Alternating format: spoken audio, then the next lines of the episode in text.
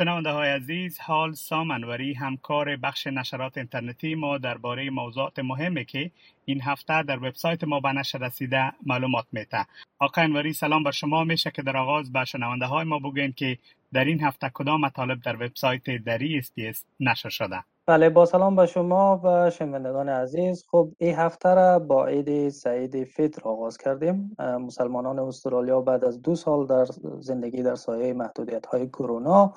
در سراسر کشور عید فطر را جشن گرفتن و چون امسال در میانه کمپین انتخاباتی قرار داریم سیاستمداران متعلق به جناح مختلف سیاسی یا در کل همون دو جناح عمده سیاسی در مراسم نماز عید حضور یافتند.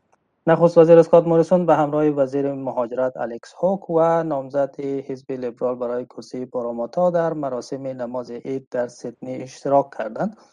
در جریان این بازدید درخواست کمک یک مادر افغان از نخست وزیر خبرساز شد.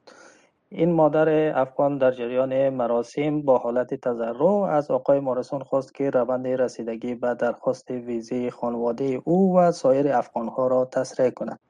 حزب کارگر مراسم را برای افتتاح رسمی کارزار انتخاباتی خود در شهر پرت برگزار کرد و رهبر حزب در سخنرانی خود در مراسم نوید یک آینده بهتر را برای استرالیایی ها داد و هشدار داد که در صورت عدم تغییر حکومت در انتخابات پیشرو استرالیا از قافله کشورهای توسعه یافته عقب خواهد افتاد.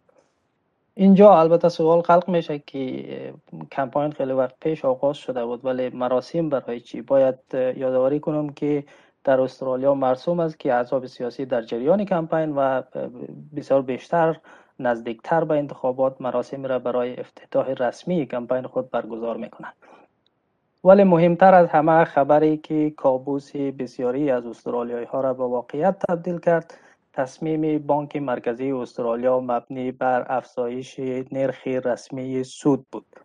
در زمانی که قیمت اجناس اولیه روز به روز افزایش می‌یابد اکنون میلیون ها خانواده استرالیایی باید ماهانه 0.25 درصد سود بیشتر بابت قرضه های مسکنشان به بانک ها پرداخت کنند.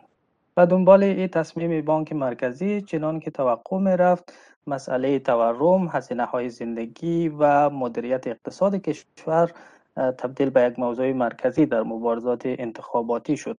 جانب حکومت استدلال می‌کنه که تورم عوامل بیرونی و خارج از کنترل اونها داره اما کارگر میگه که سیاست های اشتباه حکومت نیز نقشی در افزایش سرسام آور تورم افزایش نرخ سود و عدم رشد دستمزدها داره و حکومت باید این مسئولیت را به گردن بگیره علاوه بر اینها اخبار و مطالب دیگری در مورد نحوه رای دادن انتقال تعدادی از پناهجویان بازداشتی از ملبورن به جزیره کریسمس و درگیری پلیس با حامیان پناهندگان و همچنین زمان برگزاری مناظره دوم و سوم رهبران داشتیم که شنوندگان عزیز ما می‌تونن اونها را در وبسایت ما دنبال کنند. آقای انوری شما اشاره کردین که یک مادر افغان در جریان بازدید اسکات موریسون صدراعظم استرالیا از مراسم نماز عید سعید فطر در سیدنی با چشم گریان از وی خواست که در قسمت رسیدگی به درخواست ویزه خانوادهش کمک کند.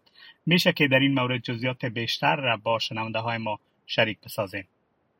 بله همانطور که شما اشاره کردید این مادر افغان که حاجرت توفیق نام داره روز دوشنبه دوی می در جریان مراسم نماز عید که در حوزه پراماتا در سیدنی برگزار شد رو در رو از نخست وزیر اسکات موریسون خواست که روند رسیدگی به درخواست های پناهندگی افغان ها را تسریع کنه و همچنین از وی درخواست کرد که در قسمت رسیدگی به درخواست ویزه خانوادهش کمک کنه. چنان که می‌دانید حکومت استرالیا 26500 ویزه بشردوستانه و 5000 ویزه خانوادگی را در طول چهار سال آینده به اتباع افغانستان اختصاص داده. اما با گذشت بیش از هشت ماه روند صدور ویزه ها و رسیدگی به درخواست های پناهندگی افغان ها بسیار به کندی پیش رفته. وزارت امور داخله هم که در طول هشت ماه گذشته بیش از 180 هزار درخواست پناهندگی را از افغان ها دریافت کرده. میپذیره که متقاضیان با تاخیر بسیار طولانی روبرو هستند. البته پاسخ آقای مورسون به خانم توفیق ای بود که ما هر در توان داریم انجام میتیم و ای که ما هزاران و هزاران نفر را از افغانستان به استرالیا میاریم او همچنین گفت که نامزد حزب لیبرال برای کرسی پاراماتا خانم ماریا کوچک جزئیات خانم توفیق را یادداشت می‌کنه و موضوع را با مقامات مربوطه دنبال خواهد کرد. آقای انوری شما همچنان اشاره داشتین که یک مطلب در این هفته در مورد افزایش نرخ سود داشتیم. میشه که در این مورد هم جزئیات را با شنونده های ما شریک بسازیم؟ بله البته ما چندین مطلب در مورد افزایش نرخ سود داشتیم. بانک مرکزی استرالیا به دنبال افزایش نرخ تورم به 5.1 درصد در هفته قبلی. در جلسه ماهانه خود در روز سهشنبه هفته تصمیم گرفت که نرخ رسمی سود را بیشتر از اونچه که انتظار می رفت افزایش بده. نرخ رسمی سود که از نوامبر 2010 تا به حال افزایش نیافته بود از ماه نوامبر 2020 تا به حال در 0.1 درصد باقی مانده بود.